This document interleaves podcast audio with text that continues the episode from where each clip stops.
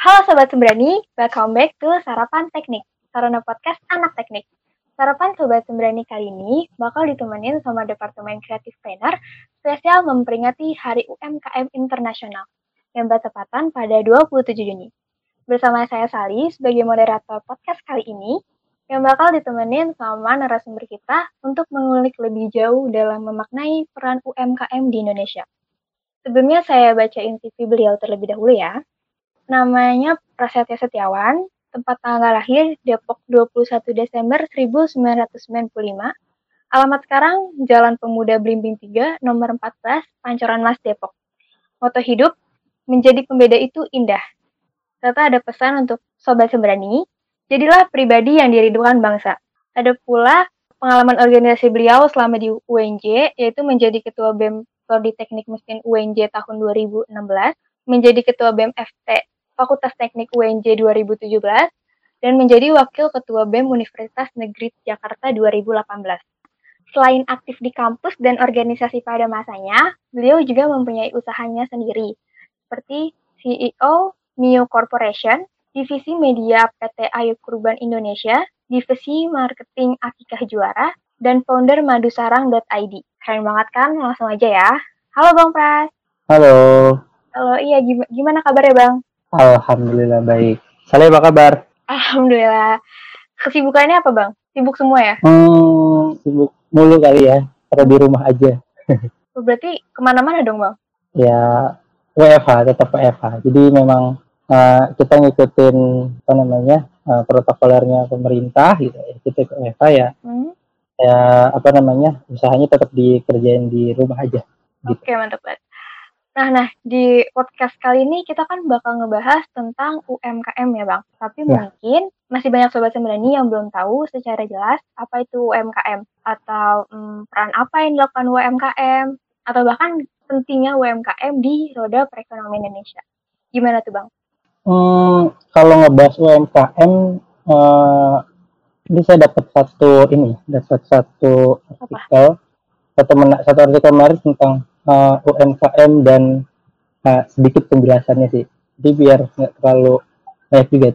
Jadi gini, uh, UMKM itu sebenarnya adalah usaha dagang yang dikelola oleh badan usaha atau perorangan. Jadi uh, bisa dia berkelompok, bisa dia perorangan yang merujuknya pada usaha ekonomi produktif sesuai dengan kriteria yang ditetapkan oleh Undang-Undang Nomor 20 Tahun 2008. Jadi uh, pengertian dari UMKM ini sebenarnya ada kriteria-kriteria yang ditetapkan juga di dalam Undang-Undang Nomor 20 Tahun 2008. Dan uh, maksud dari uh, usaha ekonomi produktif itu sebenarnya gini, pikiran bahwasanya ngerjain UMKM itu enak loh, dia uh, apa namanya hubungannya sama birokrasi-birokrasi. Ya memang, tapi alhamdulillahnya UMKM itu jadi bagian yang uh, hari ini tetap dipayungi secara hukum jadi di, di dalam Undang-Undang Nomor 20 Tahun 2008 juga uh, disebutkan ataupun uh, dipaparkan tuh maksud-maksud ataupun uh, pembeda-pembeda antara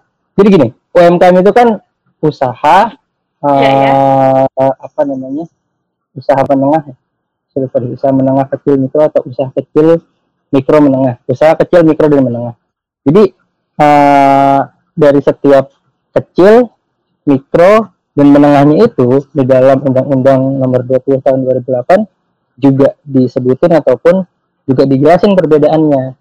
Tapi yang lebih jelasnya ataupun lebih uh, sederhananya perbedaan antara kecil, mikro dan menengah itu ya berdasarkan dari ininya, dari pemasukan ataupun dari penghasilannya. Mulai dari 50, uh, 300 juta, bahkan sampai yang uh, apa namanya?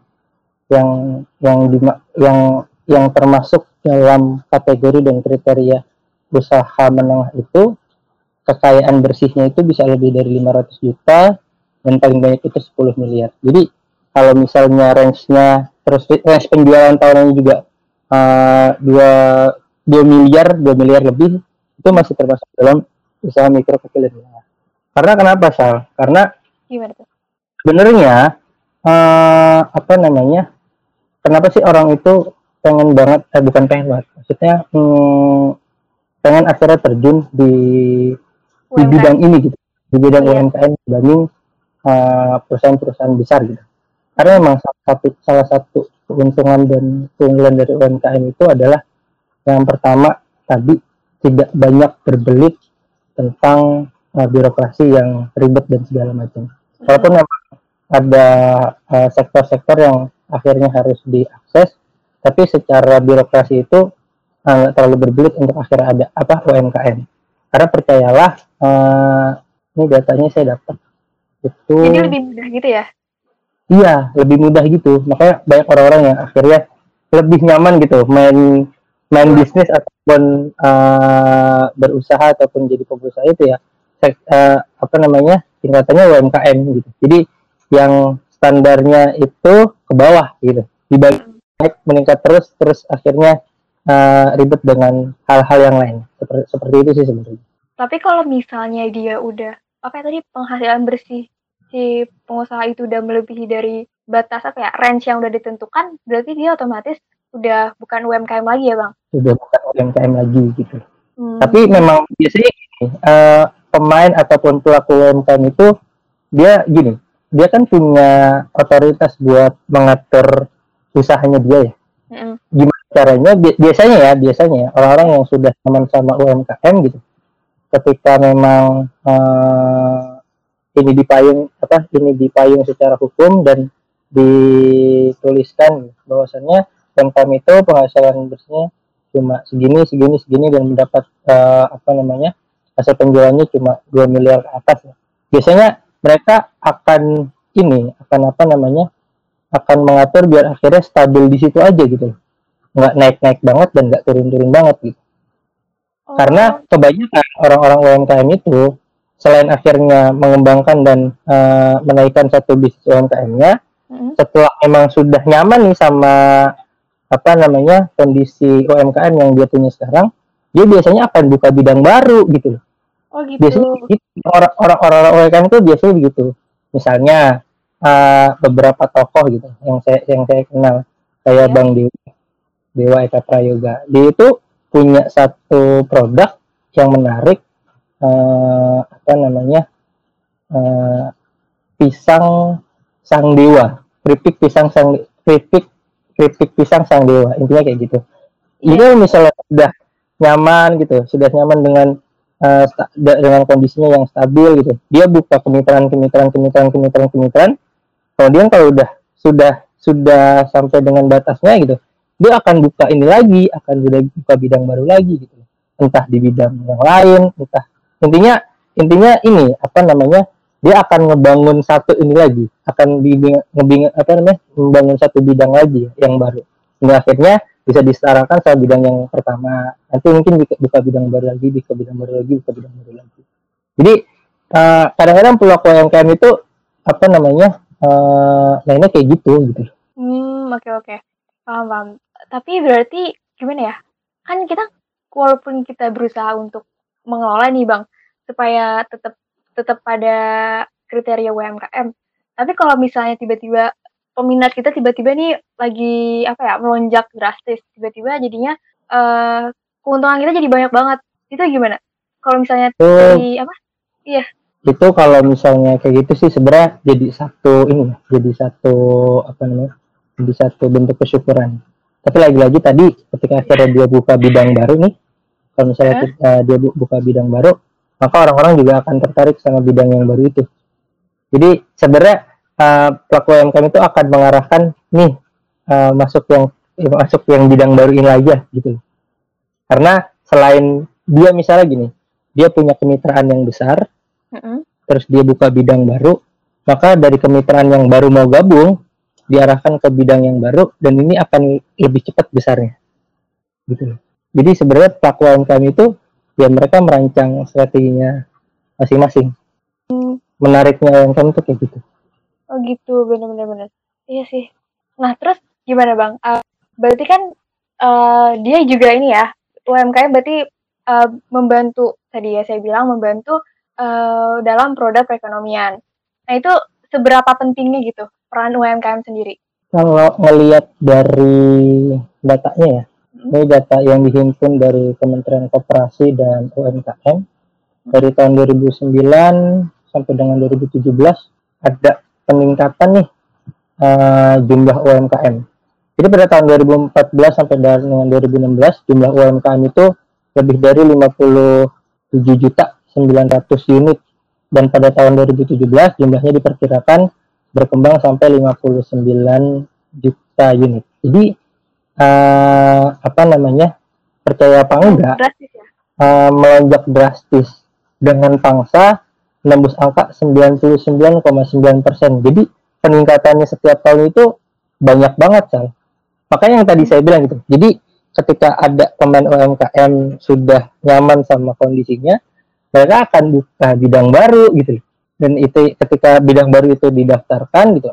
Nah ini datanya masuk nih.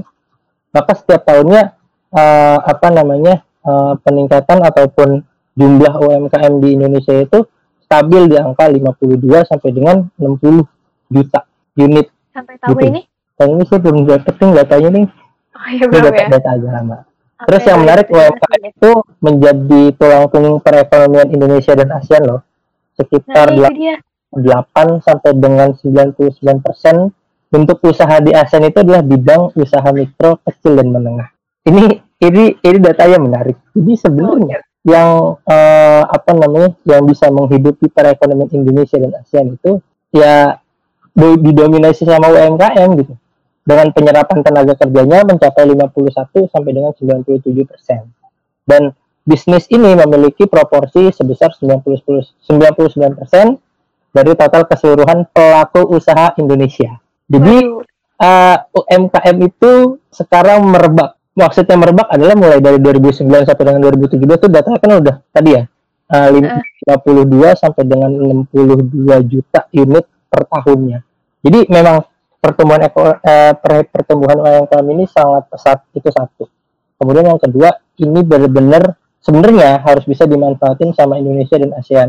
Karena ini menjadi berbeda jadi tulang, uh, tulang punggung uh, perekonomian mereka. Makanya hari ini orang-orang yang uh, sebagai uh, sadar sebagai pelaku UMKM itu mereka memang sudah sadar bahwasanya udah gue nggak usah kerja lah.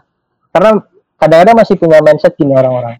Oh, usaha ataupun dagang itu jadi sampingan paham nggak hmm. gue tetap kerja punya penghasilan tambahan.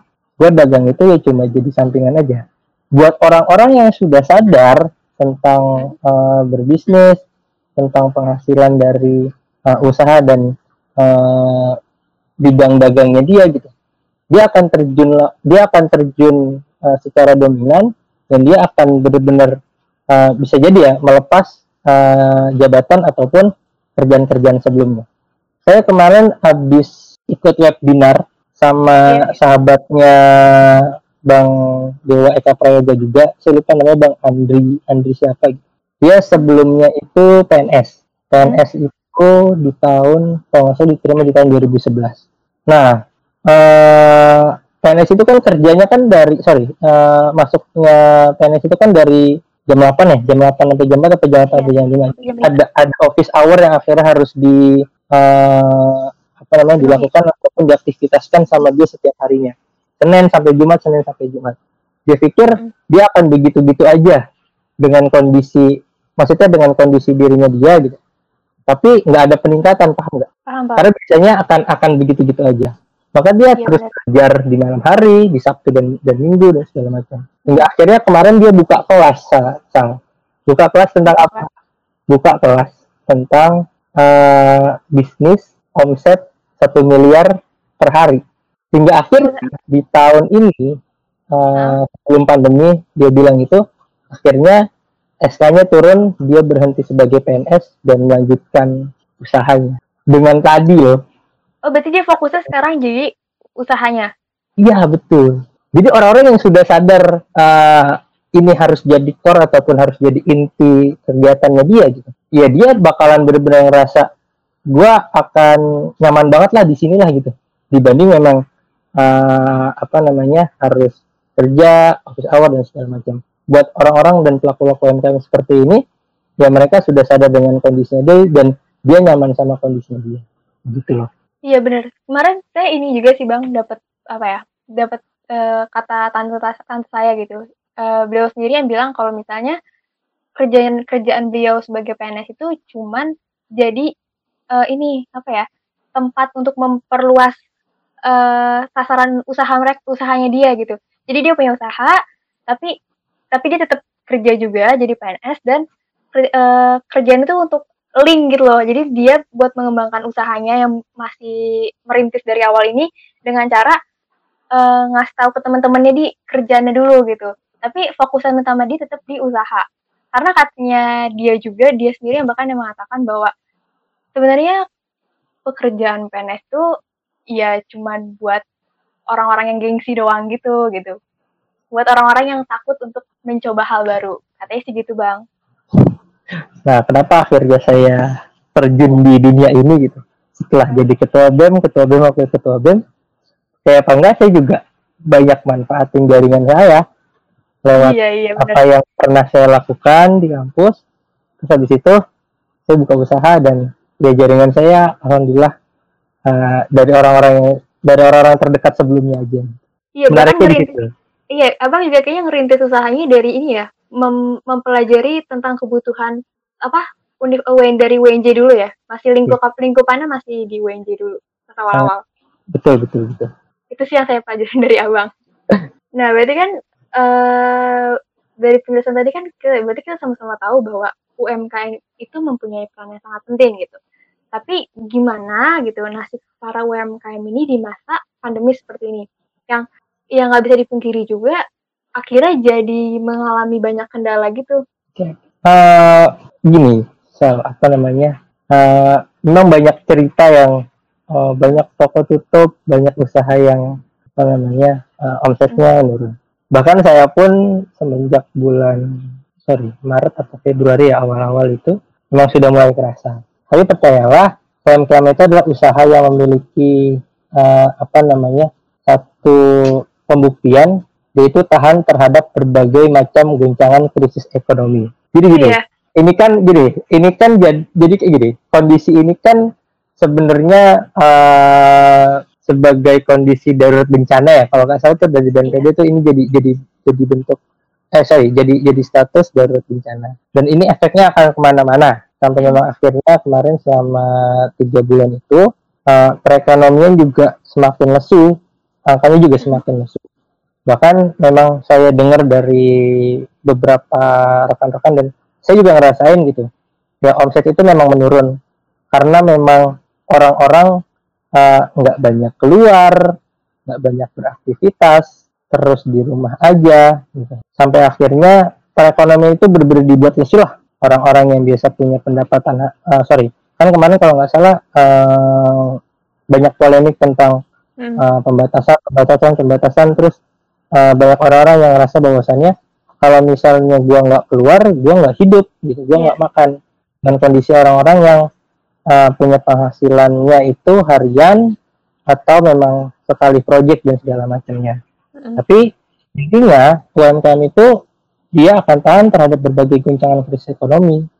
Walaupun hari ini rasa memang banyak dampaknya, tapi percayalah, saya jadi terchallenge sebenarnya.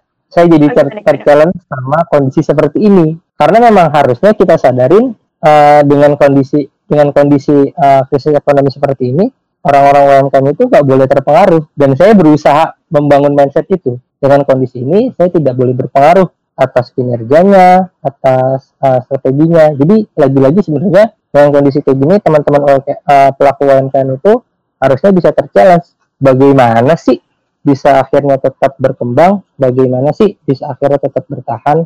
Kalau misalnya hari ini banyak toko-toko yang tutup dan penghasilan-penghasilan uh, yang uh, turun gitu. Saya punya satu artikel menarik yang pernah saya baca di tengah pandemi ataupun uh, kondisi new normal kayak gini. Kita nggak pernah tahu new normal, eh sorry, kita nggak pernah tahu uh, pandemi ini itu akan berakhir kapan. Bahkan hmm. bisa jadi ini akan berlanjut di tahun-tahun berikutnya. Karena memang sebenarnya uh, prediksinya itu uh, vaksinnya sampai sekarang belum ditemukan. Jadi ada beberapa sektor ataupun bidang bisnis itu yang nantinya akan booming. Salah satunya adalah e-commerce. E-commerce itu adalah uh, apa namanya perdagangan elektronik. Uh, ini adalah satu bidang bisnis yang nantinya akan booming. Iya iya benar banget. Kerasa banget uh, sekarang juga. Apa namanya? Uh, kondisi pandemi ini masih berlangsung. Jadi uh, semua yang serba digital itu akan cepat naiknya. Mm-hmm. Netflix, IndiHome iya, itu iya. punya apa ya? Sangat punya peningkat. Ini tiga bulan ini ya saya lihat ya. Netflix, IndiHome itu naik naik tinggi naik naik besar besaran. Webinar, training online itu naik besar besaran. Online schooling juga sudah mulai naik. Terus orang-orang yang biasa bekerja di kantor, dia itu akan mengganti sistem kerjanya dengan remote working. Jadi dia masih bisa kerja di rumah dengan target-target dari perusahaan ataupun uh, target-target proyeknya tetap bisa uh, diselesaikan. Jadi intinya uh, yang sifatnya digital, telecommunication atau telemedicine itu nantinya akan naik online transportasi juga akan naik gitu loh. Jadi sebenarnya itu adalah bidang-bidang bisnis yang harus kita sadarin. Bahkan teman-teman UMKM itu harus bisa terlink ataupun terkoneksi sama kondisi-kondisi kayak gini.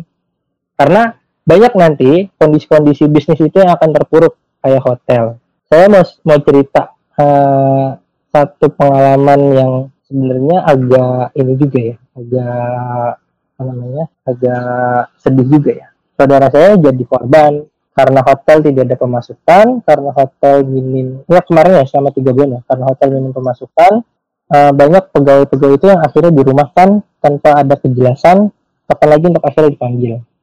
Travel itu juga akan terpuruk nantinya. Bioskop, mall, retail, retail, properti, mais itu sebenarnya juga akan terpuruk. Itu sangat sangat terasa. Persewaan kantor, bahkan restoran. tapi, ya. iya, tapi mereka juga sebenarnya terchallenge dengan apa? Uh, dengan kondisi kayak gini, semua itu harus bisa e-commerce. Misalnya, uh, apa namanya ini ini ini ini ini, ini ada satu artikelnya itu tulisannya gini yeah. Marta Tilaar itu dari produk kosmetik nanti akan berubah jadi produk yang uh, apa namanya yang berganti lebih dominan ke hand sanitizer. Jadi biar tetap uh, perusahaannya jalan produknya diganti. Jadi dia akan menggunakan survival mode-nya. Jadi gimana caranya bisa apa namanya survival di kondisi kayak gini? Kayak Esteller 77 dia nanti akan masuk bidang frozen food gitu loh. Nah, iya iya bener banget banyak banget frozen food ya. Nah Lipo Mall ataupun hotel nanti coba kemungkinan besar akan dialihfungsikan menjadi rumah sakit Siloam yang uh, berkompetensi untuk akhirnya menangani COVID. Jadi banyak uh, apa namanya uh, UMKM UMKM ataupun perusahaan-perusahaan itu akhirnya sebenarnya terjalan sama kondisi kayak gini. Maka kalau misalnya hari ini kita masih kalah sama kondisi, kita masih diem aja dan nggak bisa berbuat ataupun mengganti mode kita jadi survival mode, ya kita akan begitu-gitu aja gitu Intinya sih di sana. Intinya di sana. Jadi memang ya. akhirnya ada misalnya hari ini terbantu sama GoFood, hari ini terbantu sama GoSend, hari ini terbantu sama uh, transportasi transportasi online gitu.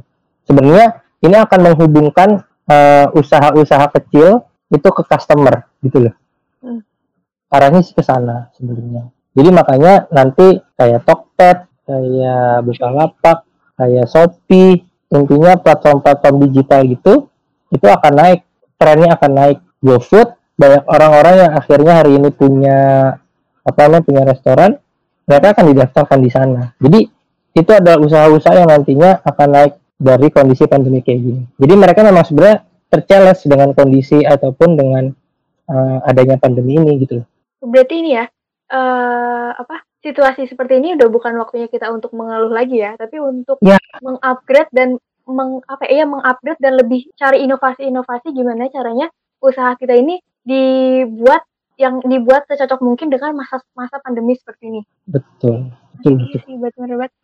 Uh, tapi ini loh Bang, ada salah satu uh, perusahaan digital juga yang padahal kan harusnya dia lagi happens juga gitu ya. Tapi kemarin saya baru-baru aja baca dia mem-PHK sekitar uh, berapa ya? Sekitar berapa puluh karyawannya. Padahal kan harusnya tadi ya, itu kalau nggak salah namanya uh, jadi perusahaan ini Grab.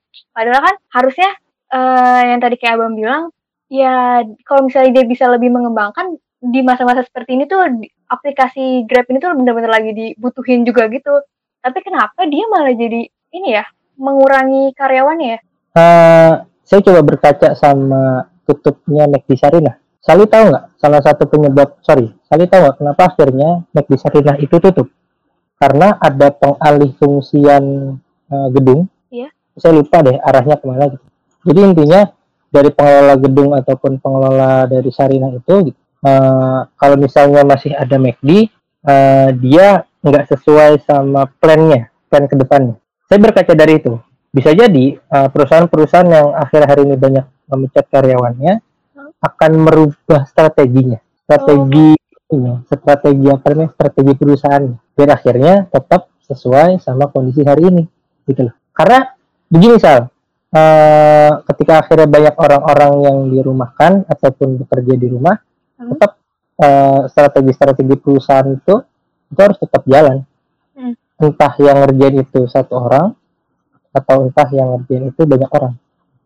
Tapi intinya uh, karena itu memang kebijakan dari perusahaan ya yang saya tangkap, ya mereka akan menggunakan apa namanya uh, eh, SDM yang maksimal gitu. Misalnya dengan dikitnya SDM yang dipakai hmm. karena udah nggak ke kantor lagi, karena bisa jadi kalau semakin banyak karyawan terus masih ke kantor, operasional kantornya naik, sementara pemasukannya masih begini-gini aja, dia akan boncos di uh, operasional uh, kantornya. Maka dari itu lebih baik gitu eh, apa namanya di PHK sebagian dan sebagian lagi dipekerjakan di rumah, operasional kantornya akan lebih stabil. Yang saya tangkap kayak gitu. Karena memang banyak banyak ya industri uh, saudara saya itu pabrik apa ya? Saya lupa nih. Pabrik itu tutup. Benar-benar semua dirumahkan dan ya pabrik tutup, pabrik tutup. Full tutup ya. Jadi gini, Iya, tapi tutup. Jadi uh, apa namanya dengan kondisi yang kayak gini banyak uh, yang saya yang saya pikir ya, yang saya pikir ya uh, perusahaan-perusahaan ataupun uh, factory-factory itu yang side plan-nya itu sudah jangka panjang, hmm. tapi dia nggak bisa survival mode di kondisi pandemi kayak gini. Jadi uh, plan-nya itu sudah jangka panjang, hmm. terus sudah dirancang dengan baik, tapi dia nggak bisa survival mode di kondisi pandemi kayak gini. Jadi dia harus gimana caranya plannya kayak gitu loh gitu loh harus dijalin kayak gitu loh sementara ditabrakin sama pandemi ya akhirnya hancur sendiri gitu. Hmm iya pak. Berarti uh, apa?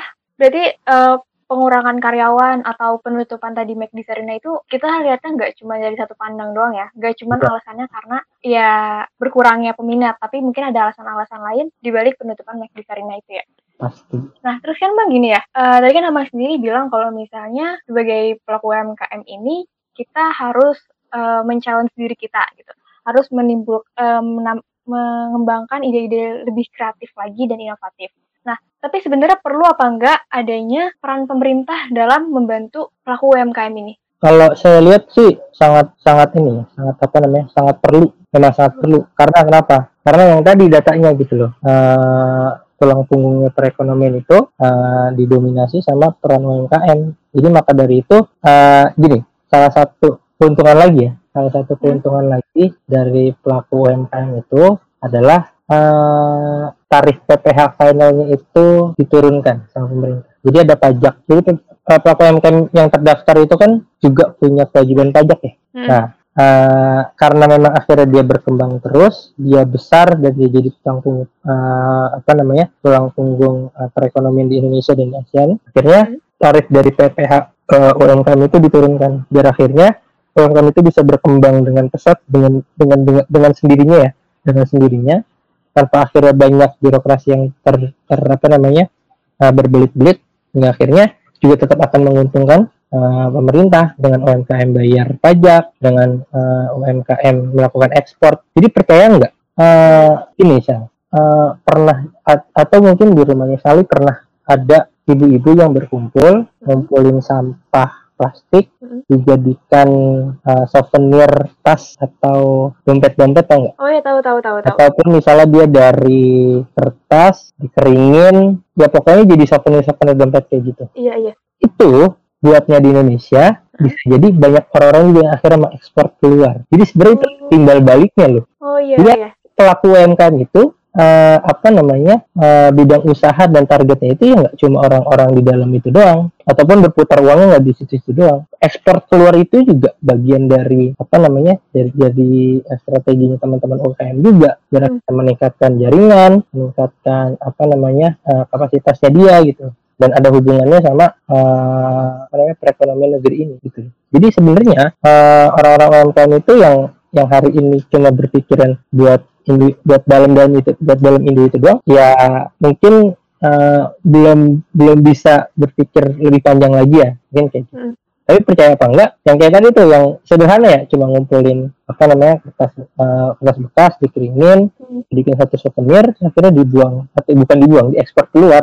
Jadi produk-produk kita itu sebenarnya juga ada juga juga berkualitas dan teman-teman UMKM itu juga benar-benar sebenarnya difasilitasi sama pemerintah dimudahin ekspornya keluar gitu hmm. terus nggak banyak uh, apa namanya nggak banyak PPH-nya itu itu adalah salah satu bentuk timbal balik dari peran UMKM terhadap uh, perekonomian uh, pemerintah hari ini atau perekonomian Indonesia hari ini gitu. Hmm, berarti itu ya pemerintah tetap mempunyai harus kayak ada effort-effort dari pemerintahnya juga untuk membantu laku UMKM. Ya, nah sekarang hmm. kita mau ini sih bang, kita ngebahas uh, tentang usahanya abang nih yang tadi banyak banget. Hmm. Itu gimana bang ceritanya? Tiba-tiba dari anak organisasi banget, terus sekarang jadi wirausaha banget gitu. uh, saya dagang itu udah dari SD. Saya oh, dari iya. SD itu sudah dagang. Dulu itu kalau sekarang orang bilangnya reseller eh reseller. Iya reseller. Iya reseller. Uh, dulu saya ingat banget tetangga saya itu punya produk, saya ingat, saya lupa deh dia ngambil dari mana ada gantungan kunci yang bentuknya itu adalah uh, hewan ataupun serangga yang dipakai air keras kalau nggak salah. Kalau nggak salah itu produk produk yang masih saya ingat. Oh, saya bawa ke sekolah. Saya bawa ke sekolah. Saya iberin sama anak-anak. Mau nggak? Mau nggak? Mau nggak? Mulai dari situ tuh saya jadi ketagihan. Apa aja saya jualin. Yang akhirnya ya? bisa. Iya, jadi uh, kayak ibu-ibu sekolahan lah sekarang lah gitu.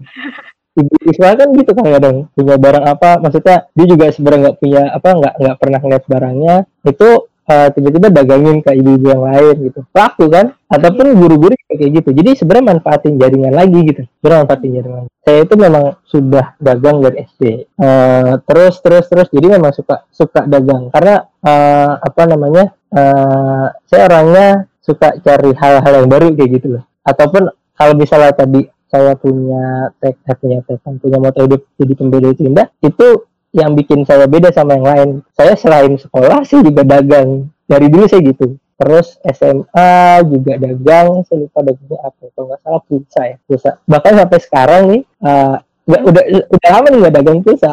Masih ada yang nanya terus masih ada pulsa? Aku udah Berarti abang nih ya pin, udah pinter memanfaatkan situasi dari SD ya bang? Iya, gitu lah. Tapi itu memang belajar lah memang belajar. Jadi uh, ketika akhirnya Sally dan orang-orang lain tuh ngelihat saya wow juragan dan segala macam. Itu prosesnya panjang loh gitu. Nggak cuma yeah. nggak cuma praktis begitu doang gitu jadi memang uh, saya sudah dagang dari SD terus jangan sampai sekarang. Sekarang itu sudah pegang uh, pengelolaan beberapa. Uh, yang pertama itu jadi CEO ya dirut dirut direktur utama dari New Corporation. New Corporation oh, iya. juga sebenarnya uh, apa ya tadi yang yang Sali bilang berawal dari ini keresahan uh, apa namanya pembacaan teman-teman organisasi. Karena saya juga dulu anak-anak organisasi uh, uh, apa namanya produk-produk yang akhirnya saya tampilin ataupun saya jual di Mio Corporation itu ya targetnya anak-anak dan teman-teman organisasi. Karena lagi-lagi gitu uh, sayang aja kalau misalnya teman-teman organisasi ya khususnya ketika uh, saya masih main di putaran kampus UNJ gitu mereka harus cari keluar dengan harga yang apa namanya uh, mungkin bisa tinggi yang ya, ya? yang lumayan. Saya berani kasih harga yang bersaing gitu yang istilahnya cocok sama kantongnya mahasiswa lah kayak gitu. Nah, biasanya apa sih yang dibutuhin sama teman-teman organisasi kalau misalnya ada seminar, ya. ada ya apa namanya uh, konveksi dan uh, apa namanya uh, produk-produk yang lainnya. Itu yang saya jualin. Jadi memang target dari Ming Corporation hari ini itu uh, masih uh, di sekitar lingkupan kampus. Mungkin kalau misalnya ada dari luar itu berarti rezeki lagi ya. Tapi sebenarnya target besarnya dari Ming Corporation tahun ini yang saya pegang itu adalah saya uh, apa ya uh, bisa banyak lebih dikenal lah sama teman-teman organisasi di kampus minimal di UNJ karena sempat juga punya orderan dari kampus lain UI, UP, kalau nggak salah deh. Tapi yang... di masa pandemi seperti ini targetnya masih sama bang? Uh, akhirnya kemarin uh, coba merubah pola sih, cuma merubah pola aja. Nah. Karena memang anak-anak uh, hari ini itu juga nggak banyak kegiatan dan aktivitasnya. Uh, apa namanya? Coba merubah pola aja, coba merubah pola, tapi tetap produk-produk yang dijual itu tetap sama. Dan melebarkan jaringan lagi. Misalnya gini, hari ini banyak orang-orang yang di WNG ya, banyak orang-orang yang hari ini misalnya sudah kenal Mio Corporation. Wah Mio Corporation sudah banyak dikenal misalnya dominan di kampus. Nah kita akan coba ngelebarin jaringan di luar kampus. Gimana sih kalau misalnya kita di luar gitu udah bisa dikenal atau atau belum sih jadi sebenarnya lagi-lagi adalah manfaatin jaringan lagi. Karena orang-orang yang hari ini sudah puas sama produk kita yang sudah puas sama pelayanan kita hmm. ketika dia butuh apa-apa ataupun temennya butuh apa-apa bisa jadi di direkomendasikannya ke mana? Ke Mio Corporation. Konveksinya lah souvenirnya lah. Saya kemarin habis dapat orderan itu satu sekolah enam kelas kalau nggak salah. SMA itu SD SD oh SD nah ternyata banyak orang-orang yang dulunya di kampus puas dengan produk kita ketika dia sudah keluar kampus ataupun dia punya jaringannya sendiri, jadi ya dia akan merekomend dia akan merekomendasikan uh, Mio sebagai uh, apa namanya uh, ini ya apa, apa namanya uh, produk yang akhirnya diinginkan sama dia itu ke Mio gitu. Intinya sih ke sana. Emang ini sih bang salah satu strategi pemasaran yang paling murah ya dan paling luas juga itu ya mau to mouth dari mulut ke mulut. Kita nggak perlu nggak perlu bayar orang istilahnya ya cukup menghasilkan suatu kualitas yang akhirnya orang itu yang akan memasarkannya tanpa perlu kita minta. Tuh, makanya video itu uh, apa ya? uh, kualitas itu nomor satu lah. Terus customer review itu jadi bentuk yang penting buat kita gitu. Gimana caranya kita punya customer review yang baik. Istilahnya mereka kasih bintang 5 lah buat kita gitu ya setelah iya. mereka order sama kita. Ada aplikasinya Bang Miu? Belum. Kita Belum. Gini, rencana. Uh, uh, selama ini kan masih main di Instagram ya. Selama ini masih main di Instagram.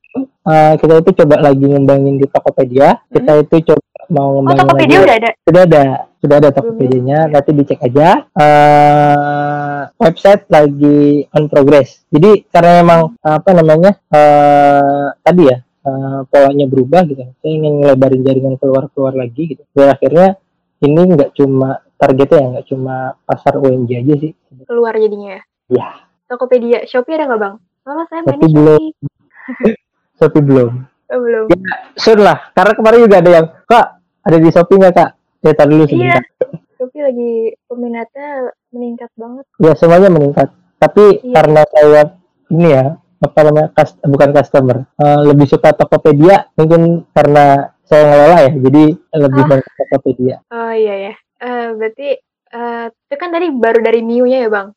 Terus ya. usaha-usaha yang sekarang yang kemarin saya lihat ini ya bang. Lagi lagi lagi abang memanfaatkan situasi di apa mendekati hari raya kurban abang jadi ini ya jualan. Atau udah lama bang? Saya sudah uh, saya di PTU kurban itu sudah empat tahun di tahun ini. Oh. saya tahun kedua gabung eh sorry. Iya tahun kedua gabung di tahun sorry di tahun dua kan berarti kan kalau empat tahun kan 2016 ya? Hmm. 2017 itu saya bantu tanpa saya gabung di tim 2018 eh ya pokoknya dua, dua tahun ini akhirnya saya yang pegang jadi gini Kata Ayo Kurban itu sebenarnya uh, apa namanya bidang usaha ternak domba dan kita hmm. cuma ada domba aja. Oh, domba doang.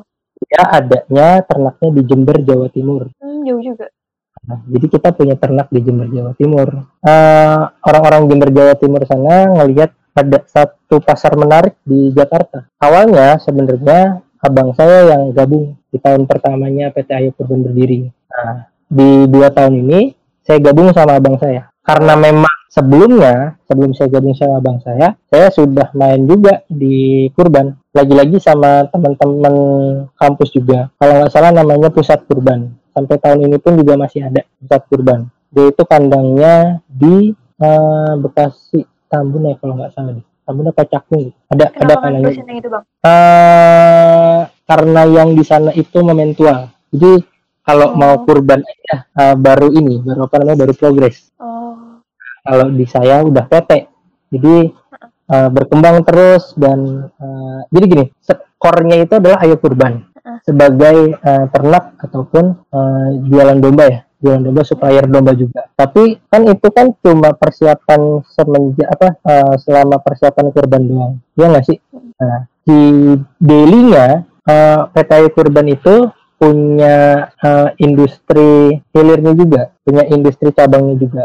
Kita punya resto namanya resto juara dan akikah namanya Akikah Juara. Resto Juara itu sudah oh, iya, ada iya, di Surabaya. Kita sudah punya resto di Surabaya. Kita juga buka Akikah Juara di Surabaya. Di Jember juga ada dan saya yang pegang PIC di Depok, Depok hmm. Jabodetabek. Jadi mengcover Jabodetabek sih sebenarnya, cover Jabodetabek. Jadi memang uh, core-nya adalah Ayo Kurban sebagai ternak uh, domba, supplier domba dan segala macam. Tapi dailynya kita punya resto dan kita punya uh, apa namanya ya, juara jadi uh, salah satu kenapa akhirnya bidang itu yang dimainin. Jadi gini salah. Kalau misalnya dari yang kurban itu percaya apa enggak? Karena ini momentual, biasanya yeah. yang momentual itu uh, apa ya?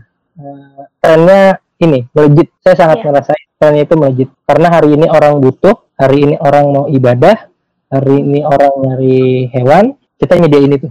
Yang menariknya di tahun ini adalah gini kan kalau misalnya hari ini banyak uh, mendengar kayak uh, apa namanya uh, usaha-usaha itu pada drop dan turun drastis. Kita coba ngelihat dari sudut pandang lain. Percayalah dengan ini data ya, 221 ribu jamaah haji Indonesia yang batal berangkat ke ya.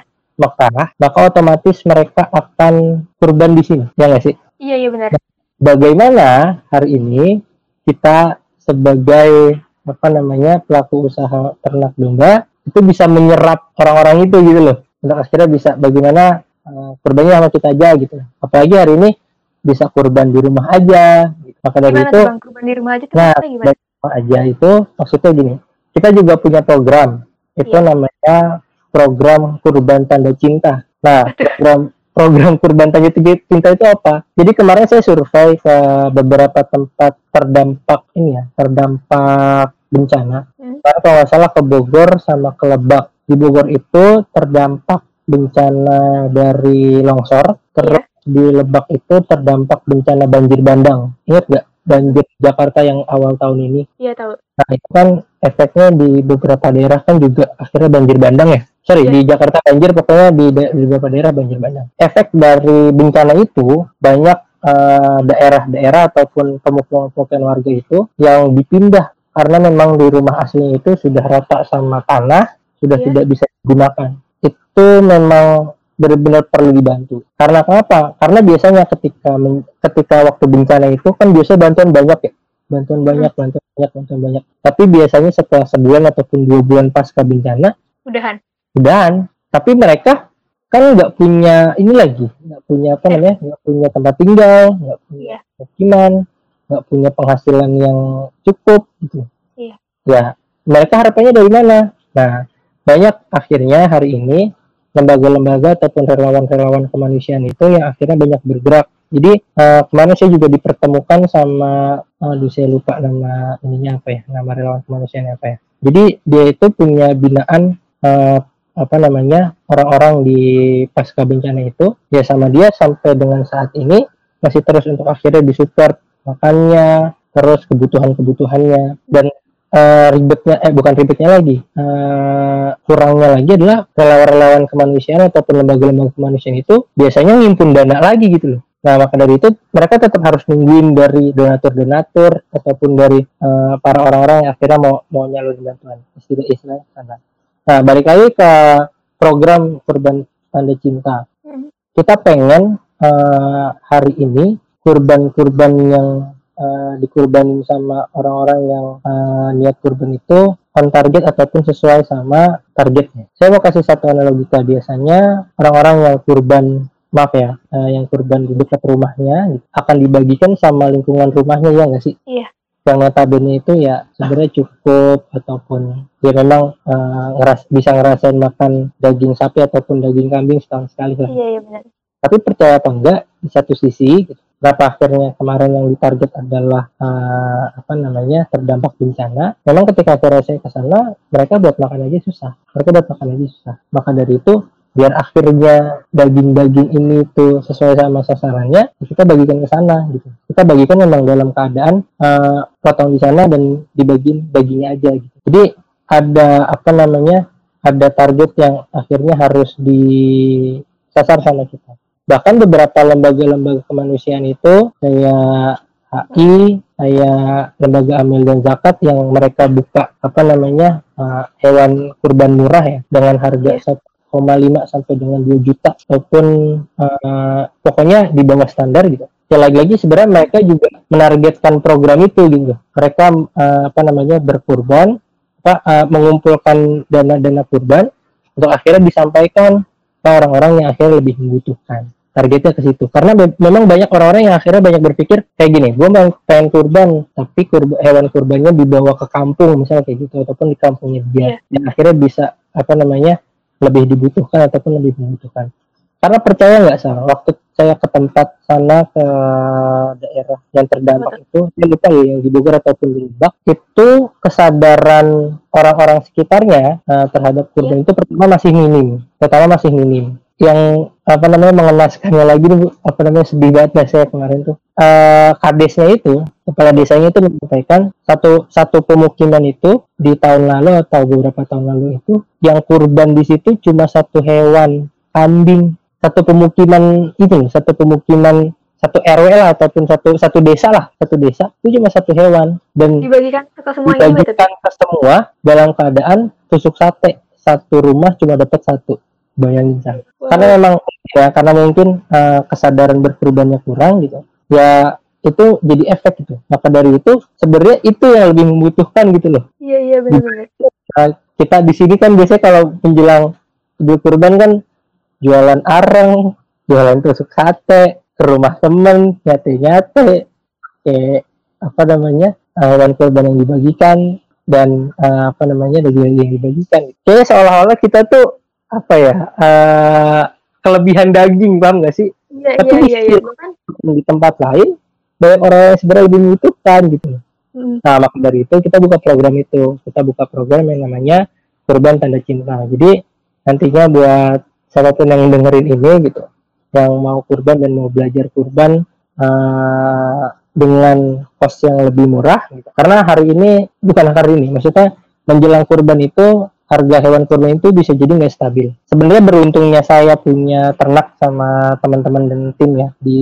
Ayo Kurban Indonesia itu kita bisa beli harga sendiri, tapi tetap mm -hmm. secara etika dan secara adat kita tetap harus tetap bisa bersa tetap harus bersaing dengan harga-harga pasaran. Kita nggak boleh ngebanting harga begitu aja ataupun uh, apa namanya uh, nurunin harga begitu aja. Dan jujur di tempat kita itu kita pakai domba aja dan dombanya gemuk-gemuk. Ya, saya ya, itu ya. saya itu punya domba yang beratnya di atas 100 kilo. Alhamdulillahnya sampai sekarang sudah habis. Jadi wow. banyak orang-orang yang booking. Jadi orang-orang yang sudah paham sama kurban itu, mereka kalau kurban ya nggak mau yang kecil gitu loh, San. Iya, iya. Mereka mau yang besar-besar sekalian. Tapi harganya jadi, juga jadi besar kan, Bang? Wah, harganya tetap, maksudnya harganya itu ya memang besar gitu. Harganya memang besar tapi mereka Enggak, puas. beda gitu gak sih? Iya beda. Iya, beda iya, beda, beda. dan dia akan punya kepuasan sendiri bahwasanya hewan kurban gua gede loh gitu. Ataupun ya hewan yang gua kurban itu hewan yang besar. Karena memang uh, satu domba ataupun satu ekor uh, kambing itu biasanya cuma bisa dapat berapa kilo doang. Dan gini misal bedanya di kurban Indonesia, kurban Indonesia hewan kurbannya itu nggak dikasih makan rumput biasa loh. Kita kasih pakan yang namanya edamame sama okra. Pernah dengar edamame? Edamame itu ini, edamame itu adalah kacang Jepang. Jadi kita sebenarnya bermitra juga ada mitra mitra kita di Jember namanya Mitra Tani. Mitra Tani itu punya perkebunan, saya lupa deh perkebunan ataupun uh, apa namanya pabrik pabrik apa namanya pabrik kacang Jepang jadi mereka itu mengekspor kacang-kacang itu ke Jepang karena namanya kacang Jepang ya. Jadi kayak semacam kayak kacang kacang kedelai eh kacang kedelai itu. Nah, mereka kan punya limbah. Maksudnya limbah adalah kacang-kacang yang tidak tersortir secara standar kualitasnya dia ataupun yang cacat-cacat ataupun kulit-kulit yang uh, apa namanya yang nggak bisa dikirim lah ke sana itu kan tersortir tuh sama mereka ketika akhirnya itu tersortir sama mereka itu sama kita kita ambil kita manfaatin jadi pakannya domba dan percayalah di tempat kita itu bisa tumbuh drastis dan stabil 3 sampai 4 kilo setelah dikasih makan itu. Jadi memang uh, kandungan proteinnya tinggi gitu. Itu yang akhirnya membuat domba-domba kita itu gemuk-gemuk. Domba-domba di ayo kurban itu uh, apa ya? Uh, ginu kalau kata orang sana tuh ginu-ginu gitu. yang gemuk, yang besar gitu. Yang orang tuh kalau ngeliat tuh uh, ini ini domba apa beneran itu? Jadi jadi ngeliat domba kita itu dia jalan aja susah gitu Mungkin kalau misalnya mau ngeliat katalog bolehlah uh, main-main ke Instagramnya Ayo Kurban Indonesia. Jadi itu di Ayo Kurban tuh kayak gitu. Jadi uh, kita hari ini buka program uh, Kurban Tanda Cinta. Terus kita kasih makan mereka itu bukan makanan biasa. Jadi memang uh, full protein dan kita berani jamin kualitasnya bagus banget dari dagingnya gitu. Satu lagi berarti ya bang, yang abang jadi apa founder dari apa tadi madu? Iya. Uh, itu gimana? Itu abang uh, foundernya berarti ini kan?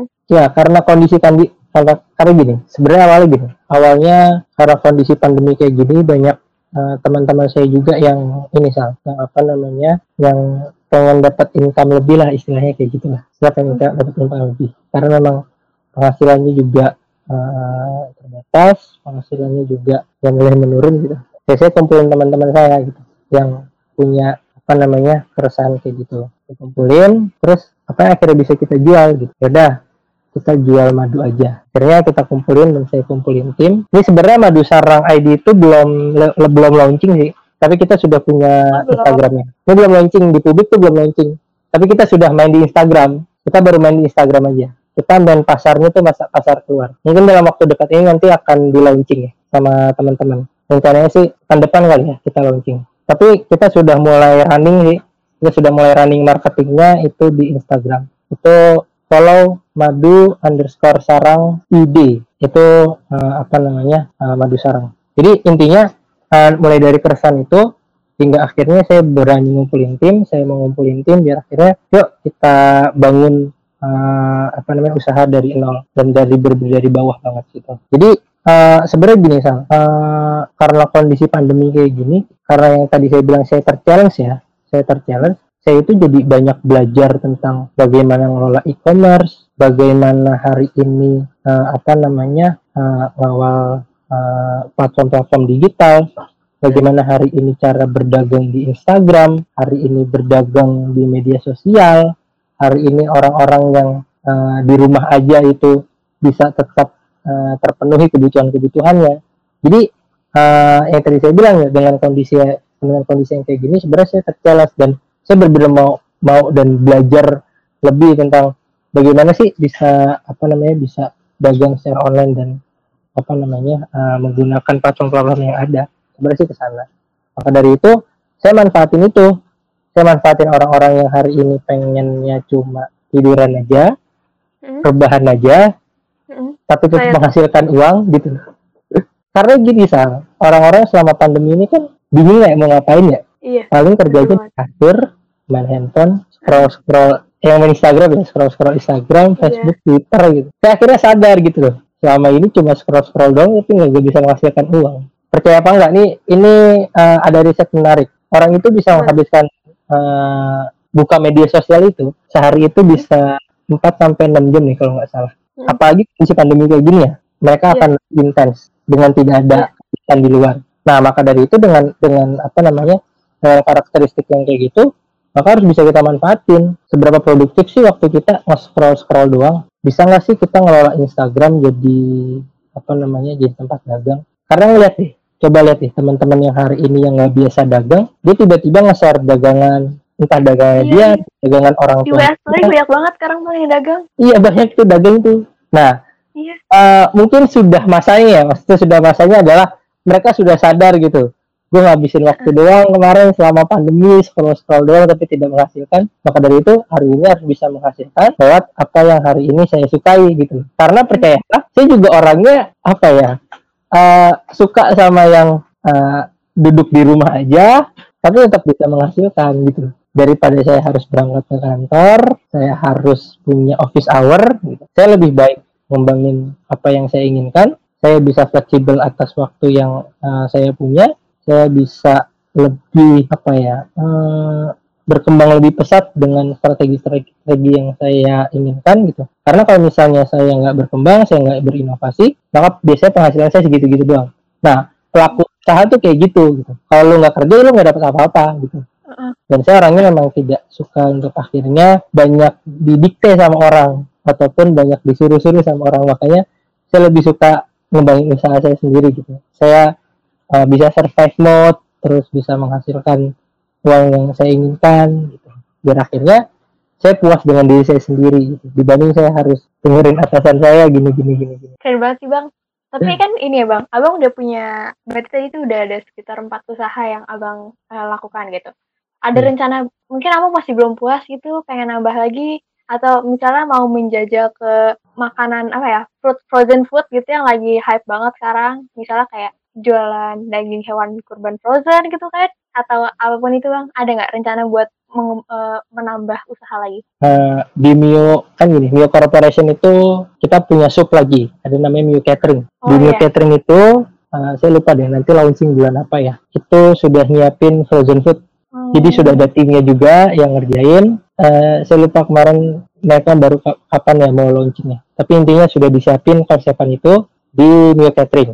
Itu satu. Saya sudah punya tim lagi buat ngembangin satu usaha uh, susu pasteurize kita punya apa namanya? Beda beda usahanya? Beda lagi usahanya.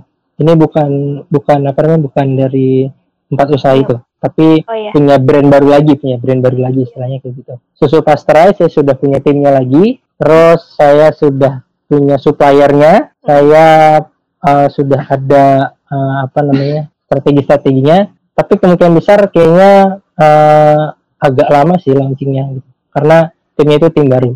Karakteristik hmm. saya gitu. Saya kalau misalnya pengen apa apa gitu saya lebih suka ngumpulin tim. Kerjanya lebih suka kerja tim. Jadi apa ya uh, daripada? berbeda daripada ngerjain sendiri. Oh. Memang ngerjain sendiri tuh kayak uh, bisa untung sendiri terus apa namanya untungnya lebih besar sendiri. Tapi capek. Jadi hmm. bos jadi karyawan jadi media jadi hmm. logistik jadi segala-galanya dikerjain sendiri. Udah capek. Tapi Makanya timnya saya... sama kayak yang udah-udah apa baru lagi bang? Baru lagi.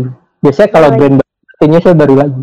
Dan lagi-lagi saya uh, apa namanya uh, memanfaatkan itu apa namanya karakteristik orang yang hari ini pengennya cuma tiduran terus bisa menghasilkan uang di rumah gitu ternyata memang menghasilkan uang di rumah itu lebih menyenangkan sih saat saya sih gitu Iya benar-benar, tapi kan saya mah, saya jadi boro-boro jadi ini ya bang, seorang wirausaha mengembangkan usaha di departemen wirausaha aja saya masih terbatas.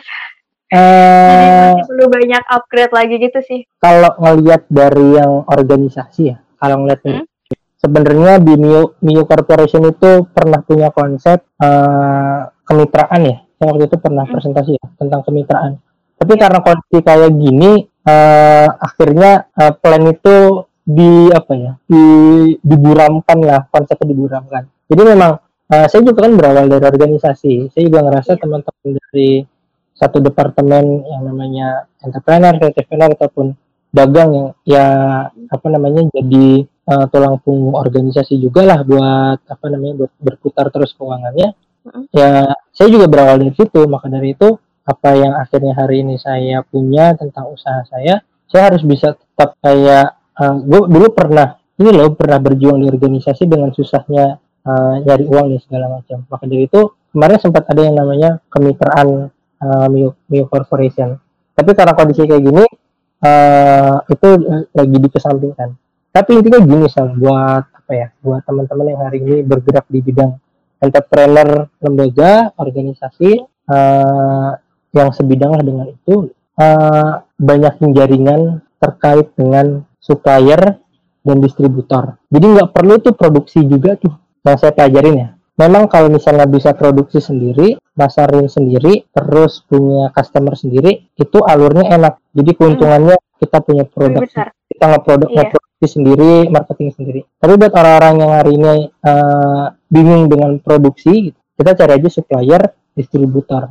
Tugas kita apa? Tugas kita marketing. Nggak apa-apa untungnya sedikit tapi tugas kita nggak ribet.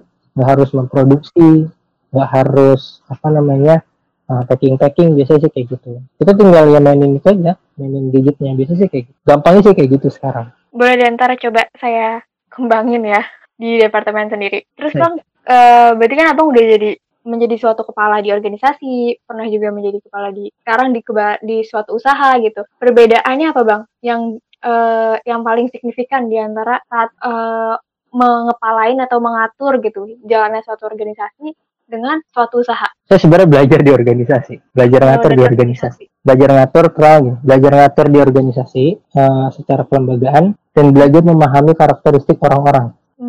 Sebenarnya memahami karakteristik orang-orang itu karena lingkupnya masih kampus, berarti kan bisa jadi masih homogen ya. Maksudnya masih homogen adalah uh, orang-orang yang akademisi. Maksudnya orang-orang yang punya kewajiban akademisi. Tapi yeah. setelah setelah saya keluar, maksudnya setelah keluar adalah uh, mengorganisasi di tempat luar ataupun di tempat lain, yeah. maka belajar tentang mengorganisir satu lembaga ataupun satu instansi itu insya Allah sudah ada.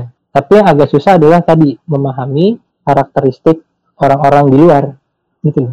Karena kan ketika misalnya saya punya karyawan iya. saya kan nggak saya kan bisa jadi nggak saat belum belum satu visi sama karyawan dia pengennya pengennya karyawan yang saya hire ataupun uh, yang kerja sama saya pengennya apa sih uh, bantu usaha saya misalnya kayak gitu apakah dia cuma misalnya mau mau cari uang doang ataupun mau ngembangi ah, bukan ngembangi maksudnya mau belajar ataupun ada apa hal-hal yang hal-hal lain akhirnya uh, dia target ketika akhirnya uh, masuk di bidang usaha saya. Jadi itu yang sebenarnya jadi perbedaan sebenarnya adalah uh, memahami karakteristik orang-orang. Kalau misalnya masih di kampus itu homogen, sifatnya homogen. Kalau misalnya di luar ya uh, berbagai macam sih sebenarnya. Itu aja sih perbedaannya.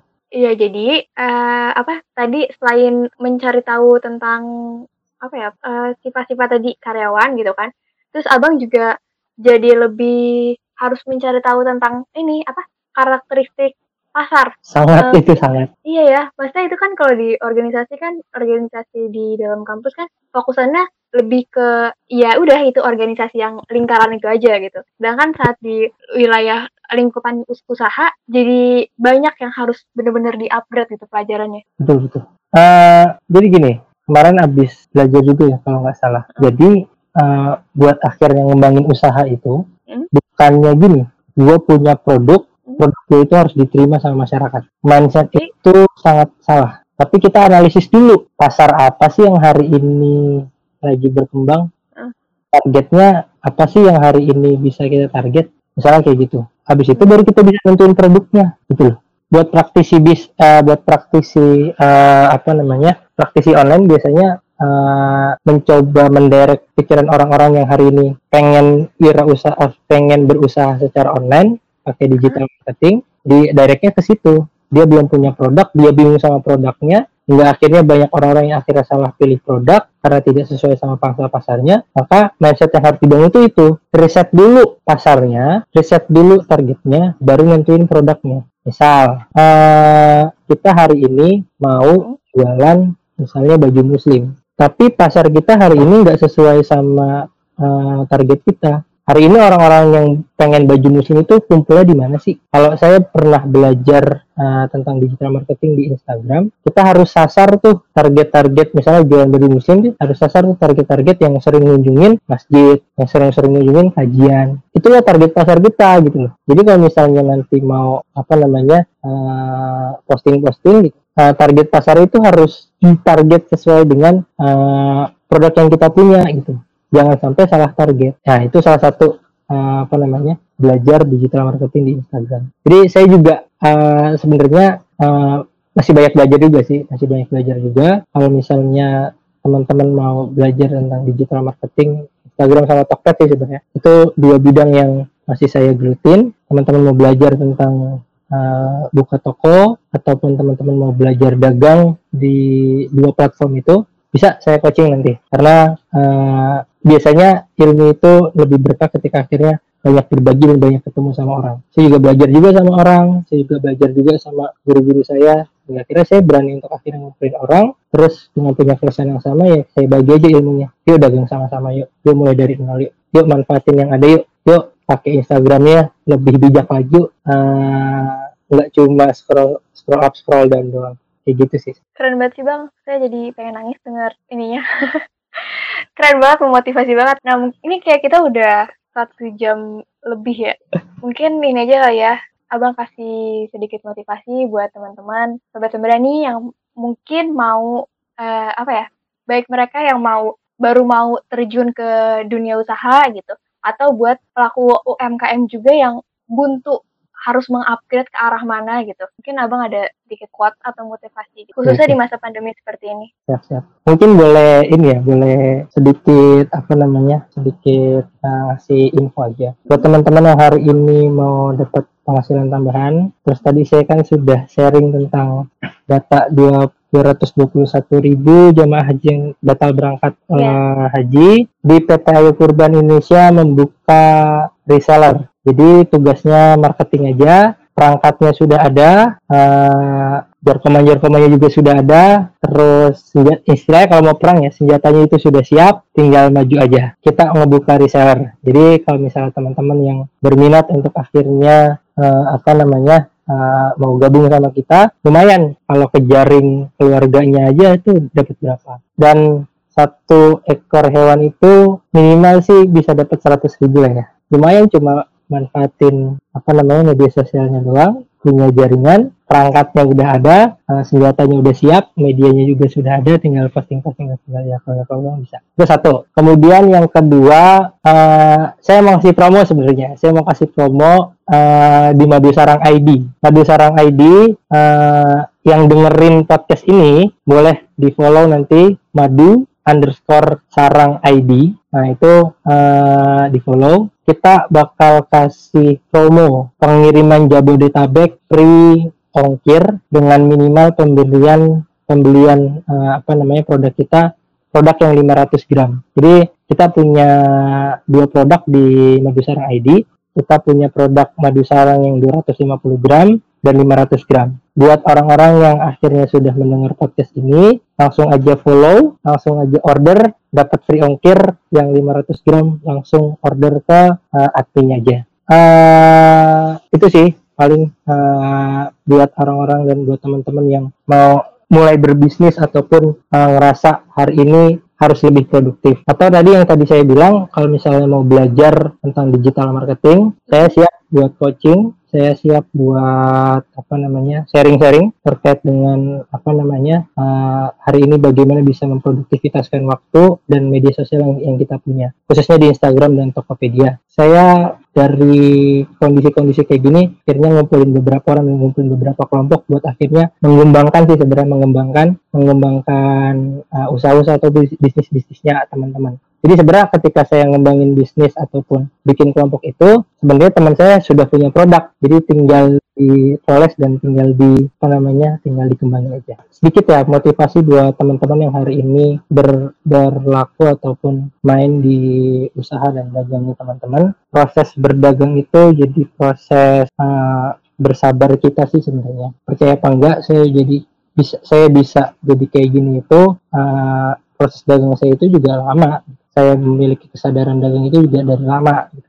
jadi memang uh, ini bisa jadi dari ini adalah salah satu buah dari kesabaran saya. Jadi jangan berpikiran wah enak nih ngelihat uh, bang pras nih usahanya banyak dan segala macam. Ya ini yang manisnya doang. Ini ngelihat buahnya doang. Mungkin kalian kalau misalnya nanti suatu hari ya hmm. bisa uh, apa namanya membangun bisnisnya kalian akan ngerasain jatuh bangunnya itu satu. Ngerasain bagaimana uh, apa namanya ditipu sama orang saya pernah gitu saya ditipu sama orang itu pernah itu juga dan jadi lagi-lagi ini adalah proses pembelajaran yang hari ini benar-benar pengen terjun di bidang usaha, saya pikir nggak usah tanggung-tanggung lah. Banyak orang-orang yang hari ini ngerasa uh, ternyata uh, bidang usaha itu ataupun dagang uh, dengan barang-barang yang akhirnya dia punya itu bisa lebih menjanjikan dibanding harus bekerja di perusahaan. Tapi bukan mendeskripsikan orang-orang hari ini bekerja di perusahaan ya. Tapi orang-orang yang akhirnya sadar dan uh, ingin terjun, lebih baik terjun langsung nggak masalah dan percayalah rezeki itu tidak akan tertukar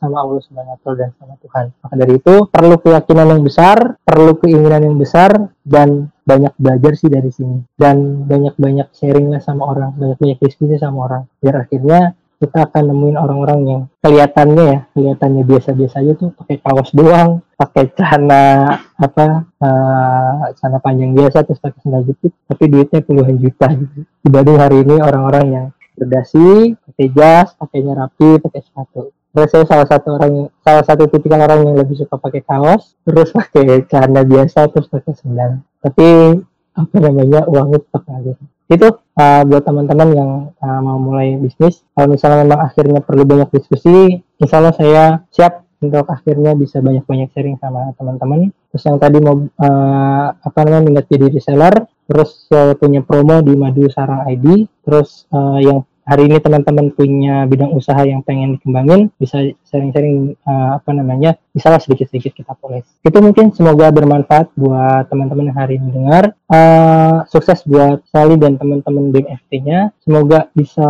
uh, berkembang lah di kreatif trainernya. Karena Amin. juga Sally juga salah satu orang yang masih suka sering diskusi juga lah sama saya lah. Ini kayaknya ya biar ketularan ilmunya bang. Amin. Nah, itu ya salah satu bentuk yang bermanfaat tuh kayak gitu ilmunya itu bisa dikembangin dan bisa dimanfaatin juga sama orang lain dan nggak kreatif mungkin itu dari saya apabila banyak salahnya mohon maaf. Apabila uh, banyak kurangnya itu keterbatasan saya karena saya masih banyak belajar dan kalau misalnya memang ada yang perlu dikoreksi silahkan langsung koreksi ke saya. Terima kasih. Siapa? saya keren banget bang. Oke. okay. Oke, buat buat sobat sembrani, kita udah dapat banyak banget ilmu dari Bang Pras. Thank you banget ya Bang, udah nemenin saya dan sharing ilmunya tentang UMKM ini dan usaha-usaha yang perlu kita upgrade. Aku sendiri banyak banget dapat ilmunya. Nah, buat sobat sembrani yang juga suka sama podcast ini, bisa bantu untuk sebarin atau sharing podcast ini supaya banyak juga yang bisa dapat ilmunya kayak aku. Untuk kritik dan saran juga bisa disampaikan melalui DM IG at BMFTWNJ. Sekali lagi, selamat memperingati Hari UMKM Internasional. Semangat terus untuk para wirausaha untuk berkarya. Don't forget to stay, don't forget to stay safe and healthy. See you on the next podcast.